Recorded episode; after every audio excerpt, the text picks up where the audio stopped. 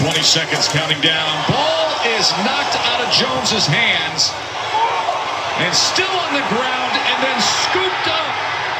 That is Jourdan Lewis. A flag is down as Lewis sprints the other way and scores the touchdown on the return.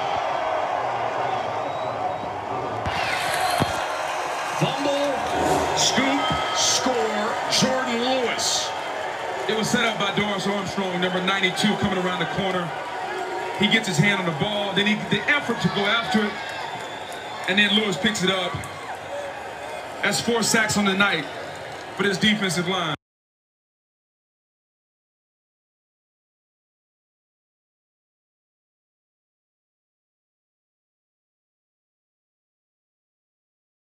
Hey, what's going on, everybody? It's your boy HP, and you're listening to the Unsportsmanlike Conduct Podcast, a podcast for the average Joe covering football and everything New York Giants. Episode 27 of the Unsportsmanlike Conduct Podcast will cover the Week 9 home Monday night matchup between my beloved New York Giants and the division rival, the Dallas Cowboys. Before I do jump into my reactions and analysis of that Week 9 matchup, I want everyone right now to subscribe to my YouTube channel, like this video, and drop a comment on this video. Let's continue to grow this podcast. Now let's jump right into it. The New York Giants are 2 and 7. They have now lost 5 straight games and their most recent game was against the Dallas Cowboys on Monday night at MetLife Stadium. You know, the New York Giants played a pretty decent first half. I thought you know there were some there were some moments in the in, in the first half from both an offense and a defensive perspective where we made some good plays we made some momentum shifting plays. I thought, you know, we were able to throw the Dallas Cowboys off of a rhythm, both from a defense and an offensive perspective. But at the end of the day, the story was the same. We weren't able to get stops, and we weren't able to generate enough points. And, and, and that's sort of been the story all year. The New York Giants ended up finishing with 18 points. We had about six red zone trips. Either actually, no, we actually had five red zone trips one of them ended up turning into a touchdown, which is that touchdown from Daniel Jones, which is sort of a lob on an out route to Cody Latimer towards the end of the end zone. And then the remaining of those uh, possessions ended up in a field goal by uh, Aldrick Rosas. So we ended up scoring 12 points in five red zone possessions. I mean, imagine if each of those possessions in the red zone had turned into touchdowns. You do the math. Five times six, we, we put up 30 points then. We put up 30 points. And you know what? When you score touchdowns, touchdowns are momentum shifting plays.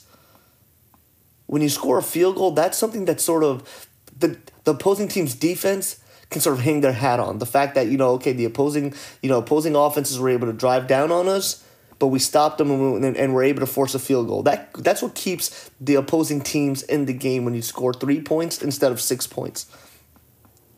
But no, we weren't able to do that. We weren't able to take advantage of in in, in, in, in a couple of instances good field position either. This New York Giants offense is just not good enough right now. And, and, and it's frustrating. And the reason why it's so frustrating is because we actually have some pretty solid pieces. We have one of the best running backs in the game in Saquon Barkley. We have good receivers. We have Darius Slayton. We have Golden Tate, who made a fantastic catch down the sideline to get us at the one yard line. We have Evan Engram. And I know that Sterling Shepard was injured, but you know what? Every off, every team doesn't have good receivers from you know all over the depth chart. So we didn't need Sterling Shepard. Sterling Sterling Shepard's absence is not the reason why our offense isn't doing well. Sterling Shepard's absence is not the reason why we can't score points.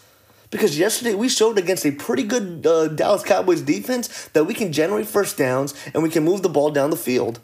But when we get to the red zone, on five trips, we only got one touchdown.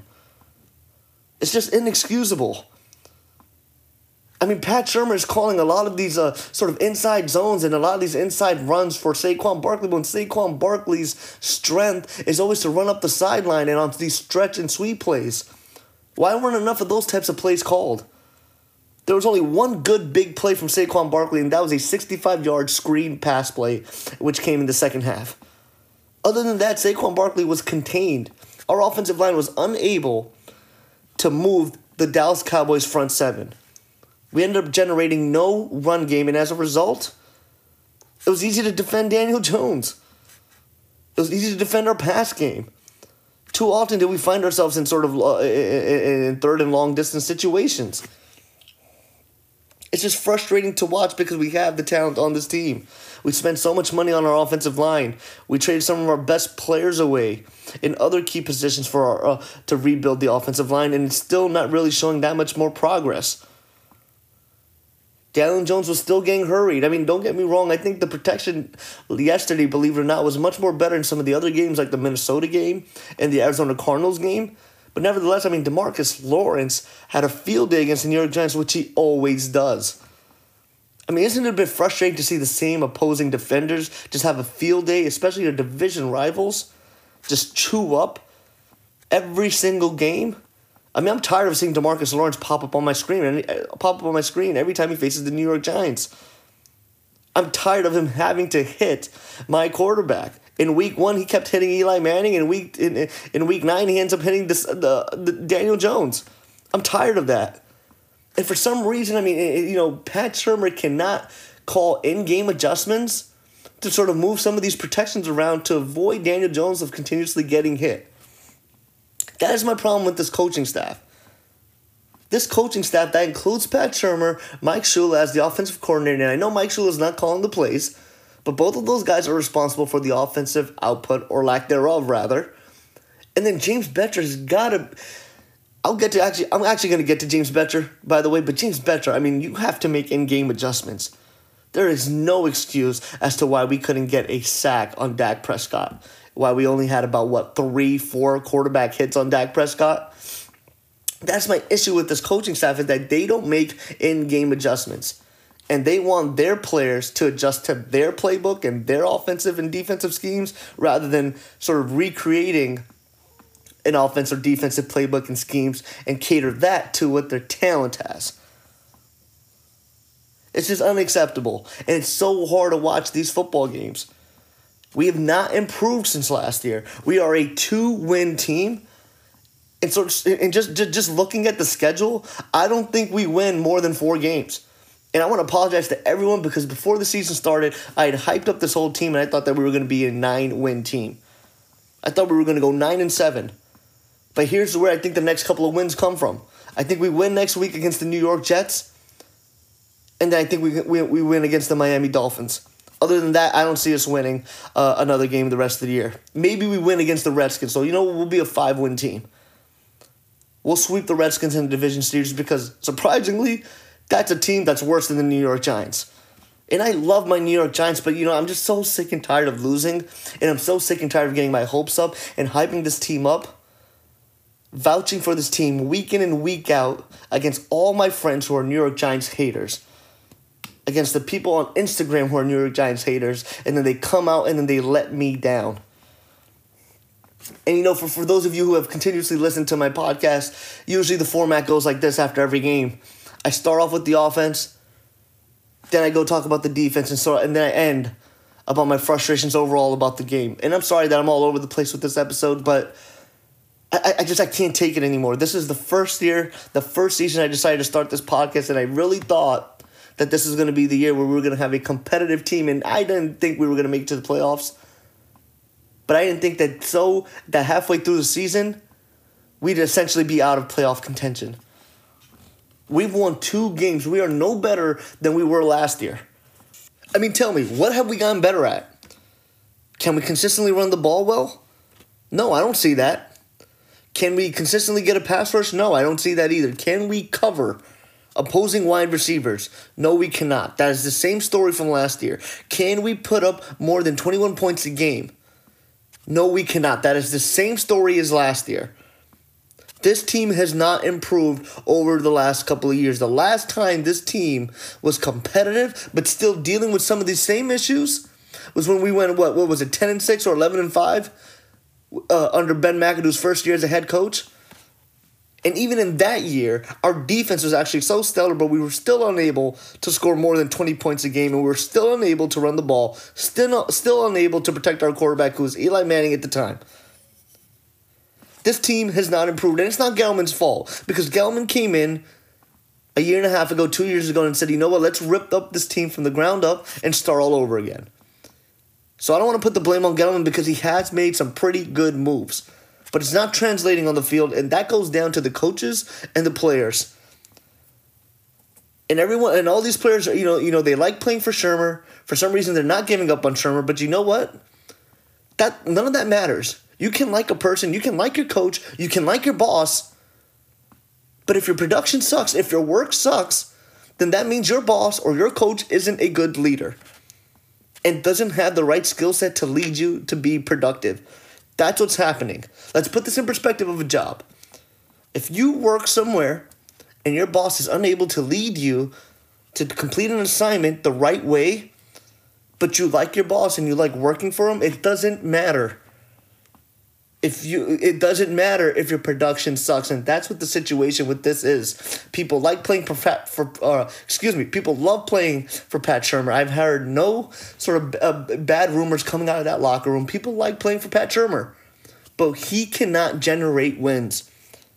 He was a offensive coordinator with Case Keenum as their quarterback in the Minnesota Vikings.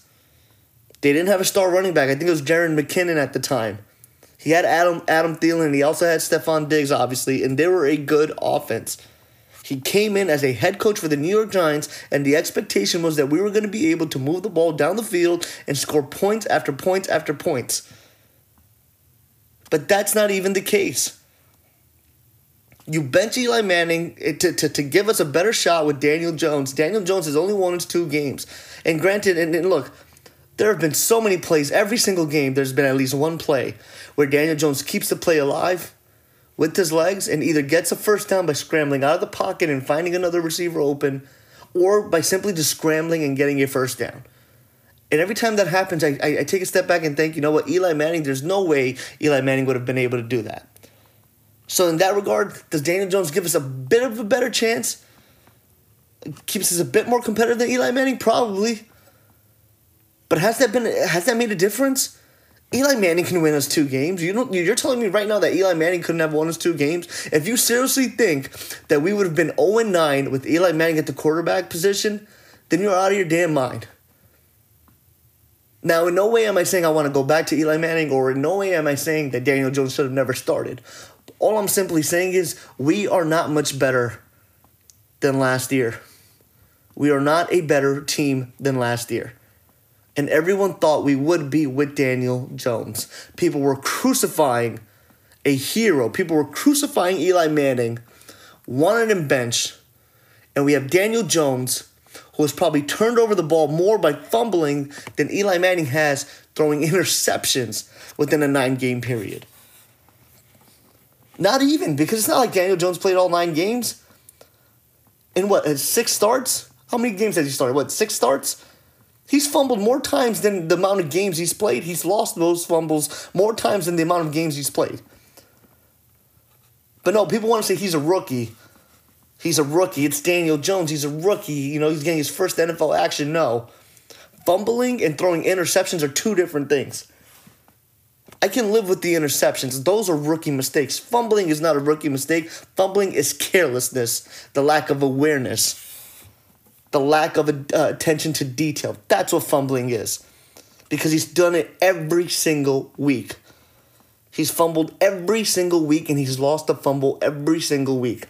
And you know what? For those guys who are going to nitpick and end up commenting on this thing, hey, you're out of your mind because in, in, in, in this matchup he actually didn't fumble or lose a fumble, go kick rocks, okay? I don't give a damn if you want to nitpick about the one game that I'm wrong about. It, that's how it looks. Perception is reality. He almost he fumbles almost every single game. And you know what? Maybe that's not Daniel Jones' fault, but that certainly got to be a coaching staff fault. Why isn't the coaching staff helping Daniel Jones protect the ball? Where's his pocket awareness? It's not like he's never played football before. He's gotten killed behind a poor offensive line at Duke University. Again, interceptions, you throw a bad interception, that is a rookie mistake. Because at the end of the day, it's how is this rookie seeing the football field? Is he misreading defensive assignments? Is he misreading coverages? Does he not understand the route trees or the pl- or, or sort of uh, or the route progressions? Maybe those are the thing, those are the reasons why he'll a rookie will throw an interception. But fumbles, fumbles is not excusable.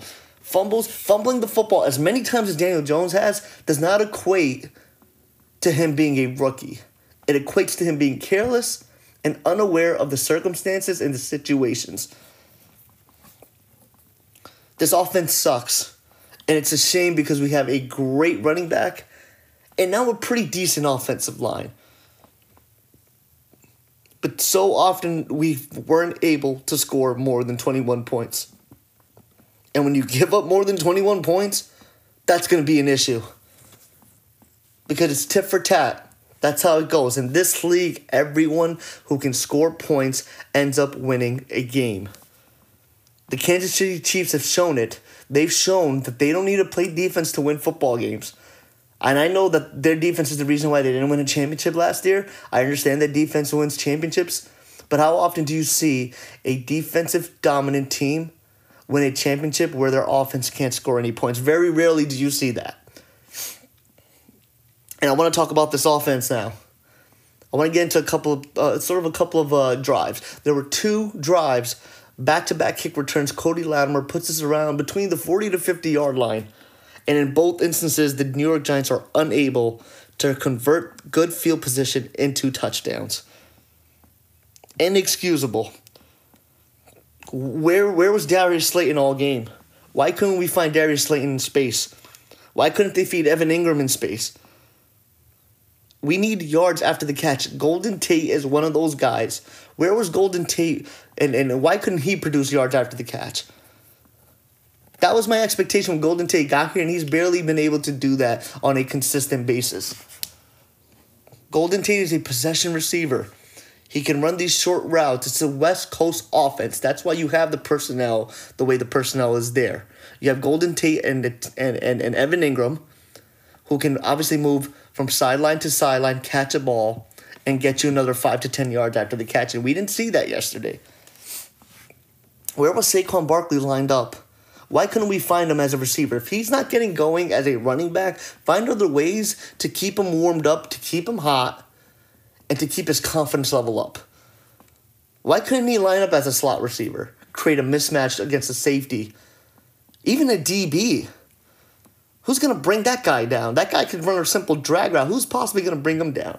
And imagine running a drag route with Saquon Barkley from the slot you see some linebackers commit on that, and then you have middle of the field wide open for a golden Tate for a golden Tate crosser, or maybe a seam route for by Evan Engram. If I can come up with this stuff and I'm thinking out loud, I don't have notes when I do my podcast. If I'm thinking about this shit out loud, why can't Pat Shurmur think of this stuff and draw this stuff up? And I want to talk about the interception by Antoine Bethea because that look obviously you know, when you can get an interception, anytime you can get an interception, that's obviously a great play. But Antoine Bethea was just sitting in the box. He was standing there. It's not like Antoine Bethea made an amazing read and play. Dak Prescott just threw it right to him. And right there where we get an interception, that was the first drive of the game. And the Giants got the football on an interception and converted it to three points instead of a touchdown in what was an amazing – field position. The ball was at the 11, what, 11, 12 yard line. That's where the Dallas Cowboys started their offense. One of the first passes by Dak Prescott ends up being an interception. And you can't convert that to seven points. That's Pat Shurmur not understanding how to convert plays when you're in the red zone. I mean, what the, what the hell do they practice in practice? If you can't score points when you're right there, when you can see the end zone, when the end zone's so close, when you can smell when you can smell the pylon? How are you not able to generate plays that will get you into the end zone? I just, I'm frustrated, man. I'm just frustrated. This episode is more of my reactions to the game than it is an analysis, and I'm sorry, guys, but I, I'm, I'm just tired of this. Even that Jabril Peppers fumble on Amari Cooper right out right after the catch Jabril Peppers aims and aims in, causes a fumble right after Amari Cooper catches the ball. We're still in good field p- position, and it, it, it, it just I don't I don't understand. I, I Pat Shurmur, I'm sorry, but if it doesn't get any better this season, Pat Shurmur's got to go. I, I don't see how he can stay as the head coach for the New York Giants if this team doesn't get better. And you know who's available as a head coach out there right now? Mike McCarthy, former head coach of the Green Bay Packers. Why not give him a shot? Why not just sort of rip off the coaching staff and bring in a whole new sort of group of coaches? Let's bring in a whole new head coach, new offensive coordinator, and a new defensive coordinator. And the reason why we should bring in a new head coach and new offensive coordinator right away is because Daniel Jones is a young quarterback. And I think it's very important that we sort of find our head coach now who is willing to coach up Daniel Jones. Because remember, there were rumors right after the draft that Pat Shurmur didn't necessarily want uh, Daniel Jones. He wasn't crazy about Daniel Jones. Maybe we go out, find the right coach, and that's when we can start the reign of Daniel Jones the right way. Now, onto this poor excuse of our defense and a horrendous defensive coordinator, James Bettcher, who was the former defensive coordinator for the Arizona Cardinals. James Bettcher on the Arizona Cardinals was known for being able to being very creative with his pass rushing abilities, his pass rushing play calls, and then ultimately, as a result, creating a lot of turnovers. They even scored. Their defense was able to put up points, recover fumbles, and get interceptions for touchdowns. That has not been the story for the New York Giants because for two straight years, we haven't been able to consistently get a pass rush on opposing teams' quarterbacks. And look, for about maybe the first four, five, six games, we did a pretty decent job of getting to the quarterback. But for the most part, we haven't. We can't get to the quarterback enough. We don't generate enough turnovers. Our DBs are getting shredded out there. DeAndre Baker just came out saying that he needs to do a better job of being uh, a sort of aware and acknowledging the plays, the playbook, and the defensive schemes. DeAndre Baker has essentially admitted that he's having a hard time grasping the defensive scheme. James Bettcher, if you hear that, that's not a, a, a, an issue on DeAndre Baker's part, but that has to be an issue on the coaching staff. You have a young college young kid coming right out of college and he's struggling to understand your defense. And that's why he's giving a big play after big play after big play. Now, is that an issue on DeAndre Baker or is that an issue on the scheme and the playbook? It's it's game nine. It's week nine, and you don't think that you need to make DeAndre Baker's life easier? It's week nine, and we finally see Corey Ballentine. It's week nine, and I still don't know where the hell Julian Love is. But no, I, I guess we have a better chance with playing Antoine Bethea, who is slow as hell and can't defend anyone, and as a result, always has to play close to the box. Why was he at the end of every single first down run play by Ezekiel Elliott? Unbelievable. We generated no pass rush, had so many soft coverages, and that's why we kept giving up first down after first down, both from a passing perspective and a running perspective. Ezekiel Elliott almost ran for 100 yards in the first half. I mean, for crying out loud, we gave up 172 rushing yards. 139 of those came from one person. That was Ezekiel Elliott on 23 carries, averaging six yards per carry.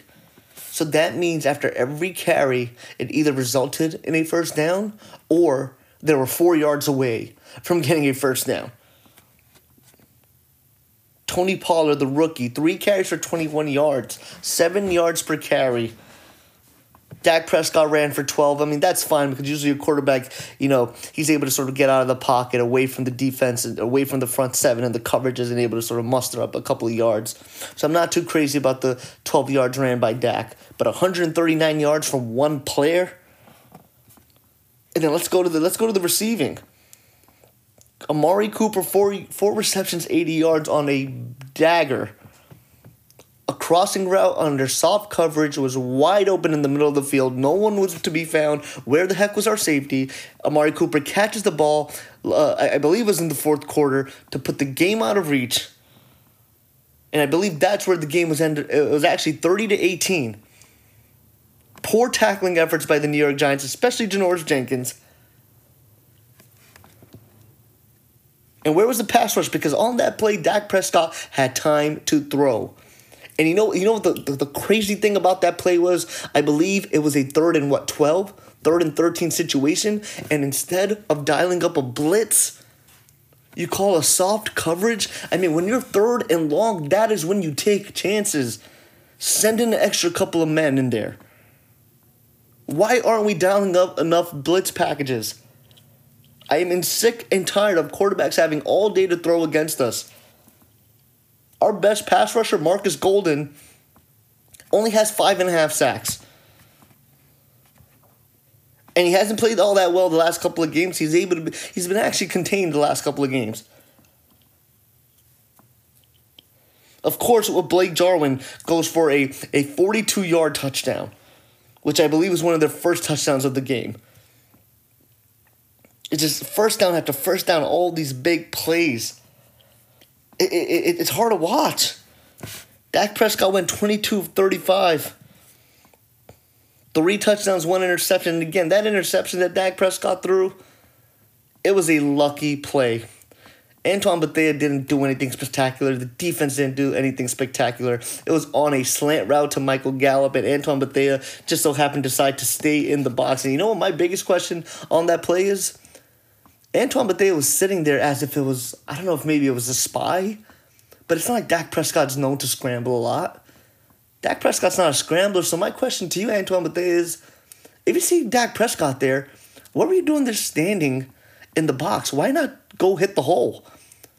It was the B gap that was wide open for you to just sort of hit and get a hit on uh, Dak Prescott. And that was some tight coverage on DeAndre Baker because I think DeAndre Baker was gonna co- was covering Michael Gallup.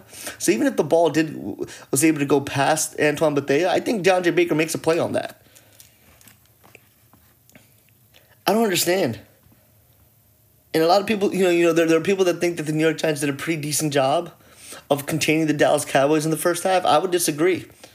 I think we we, we caught a couple of breaks from some penalties. There was that one instance where uh, Dak Prescott muffled the muffled the snap, and then Lorenzo Carter got back there and, and, and was able to generate uh, was able to tackle him.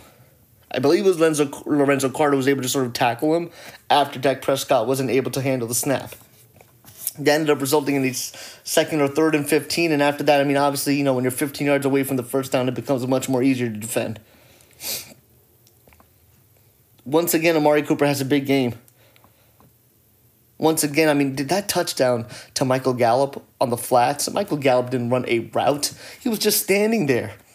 And of course, DeAndre Baker is so far off from where Michael Gallup is. DeAndre Baker's poor attempt to jump and maybe tip the ball which was so off. And it was an easy walk into the end zone, leaps over on again, once again, poor tackling attempts for a touchdown. I remember watching the first half and I thought, wow, this game is much more closer than it should be.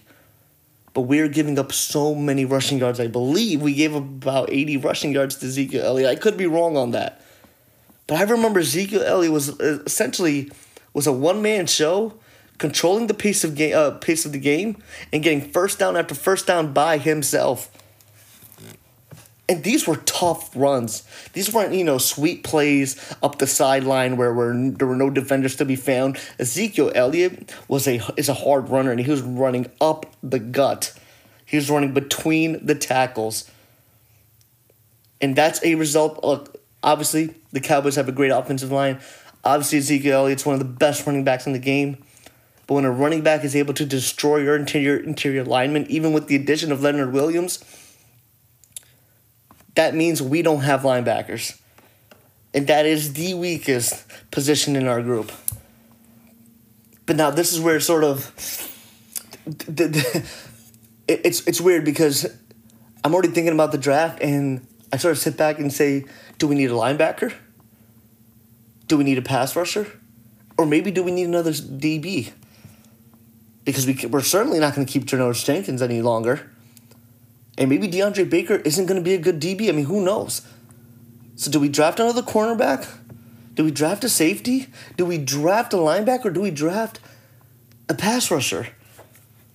We need a middle linebacker to lead that front seven, and we don't have one. We need a pass rusher that's going to consistently get to the backfield. We don't have one. We need a DB that the QBs are going to be afraid to throw to. Essentially, take away one side of the field. We don't have one. We don't have a rangy safety. We don't have a ball hawk safety. What do we do on the defensive side of the ball in this coming draft? James Bettcher, your defense in the nine games has given up more than 21 points in each of the nine games. I mean, excuse me, in the nine games that we've played, there's only been one game where we gave up less than double digits, and that was against the horrible Washington Redskins offense. Other than that, we've given up more than 21 points in each game. And if you just give me a second, because I actually want to give you a little bit more of the details. Because when, I, when I'm pissed, I bring out the actual details and the actual facts. Week one against the Dallas Cowboys, we gave up 35 points. Week two against the Buffalo Bills, who don't even have that great of an offense, we give up 28 points. Buffalo, uh, uh, the Tampa Bay Buccaneers give up 31 points. Washington Redskins, that's where we only gave up three points. But then after that, against the Minnesota Vikings, we gave up 28. Against the New England Patriots, we gave up 35. Against the Arizona Cardinals, we give up 27. Against the Detroit Lions, we give up 31. And then again, against the Dallas Cowboys, we give up 37 points. And I understand that not all those points in all those games were a result of a uh, of the opposing team's offense, but rather Daniel, uh, Daniel Jones' typical uh, interception or fumble. But nevertheless, actually, I'm going to count how many times we give up 30 points. One, two, three, four, five times. In five game, five out of nine games, we've given up 30 or more points. James Bettcher, you are not suited to be a defensive coordinator for this New York Giants football team. And I, you know, and I hate to say it, but you got to go. Your time is up. You have to be fired. My expectation coming into this year is that we were to be a top 15 defense. In the lower end of that spectrum, but a top 15 defense, we are one of the worst defenses in the NFL. You do not deserve to be a defensive coordinator for this team any longer. Your time is up, my friend. You can stay the season because it is a lost season, but you got to go. You have lost all respect for me. There hasn't been not one game this year or even last year where I can sit back and say James Bettcher called a hell of a game. You suck, Bettcher. You got to go. Dave Gettleman's either got to find a new defensive coordinator or entirely replace this coaching staff. Let let's bring in Mike McCarthy. Let's let Mike McCarthy decide who he wants to bring as the defensive coordinator. And that's essentially my rant about the defense. They don't deserve any more Mike time from me. And I want to talk about some other some other things, something really really important. I want to talk about Sterling Shepard. Sterling Shepard once again was out due to a concussion that was uh, that he sort of suffered uh, several weeks ago. You know, he's not clearing the concussion protocol, and a lot of people are afraid that this might be his last year of football. People think he may need to consider hanging it up. I think if I think if Shepard can play, then he's got to go for it. I mean, eh, look, I think at any point in any NFL player's career, you can get hit once and that'll be your career, whether that's through a concussion or through any other injury. That can be your livelihood. I think if Sterling Shepard really believes that he can play and that the New York Giants, you know, believe that he can play and he, you know, obviously accurately follows the rules and clears the concussion protocol, I think you give it another shot. But it'll obviously be sad and just and obviously disheartening to lose a player like that, but obviously someone who who who we've had high hopes for. And then just overall, you never want to see a player, you know, retire from an NFL, from from the NFL or any other sport due to health reasons, especially so early and so young in their prime of their careers. So obviously, just want to wish, just want to send my condolences out to Sterling Shepard. I actually ran into Sterling Shepard a couple years ago in Midtown Manhattan.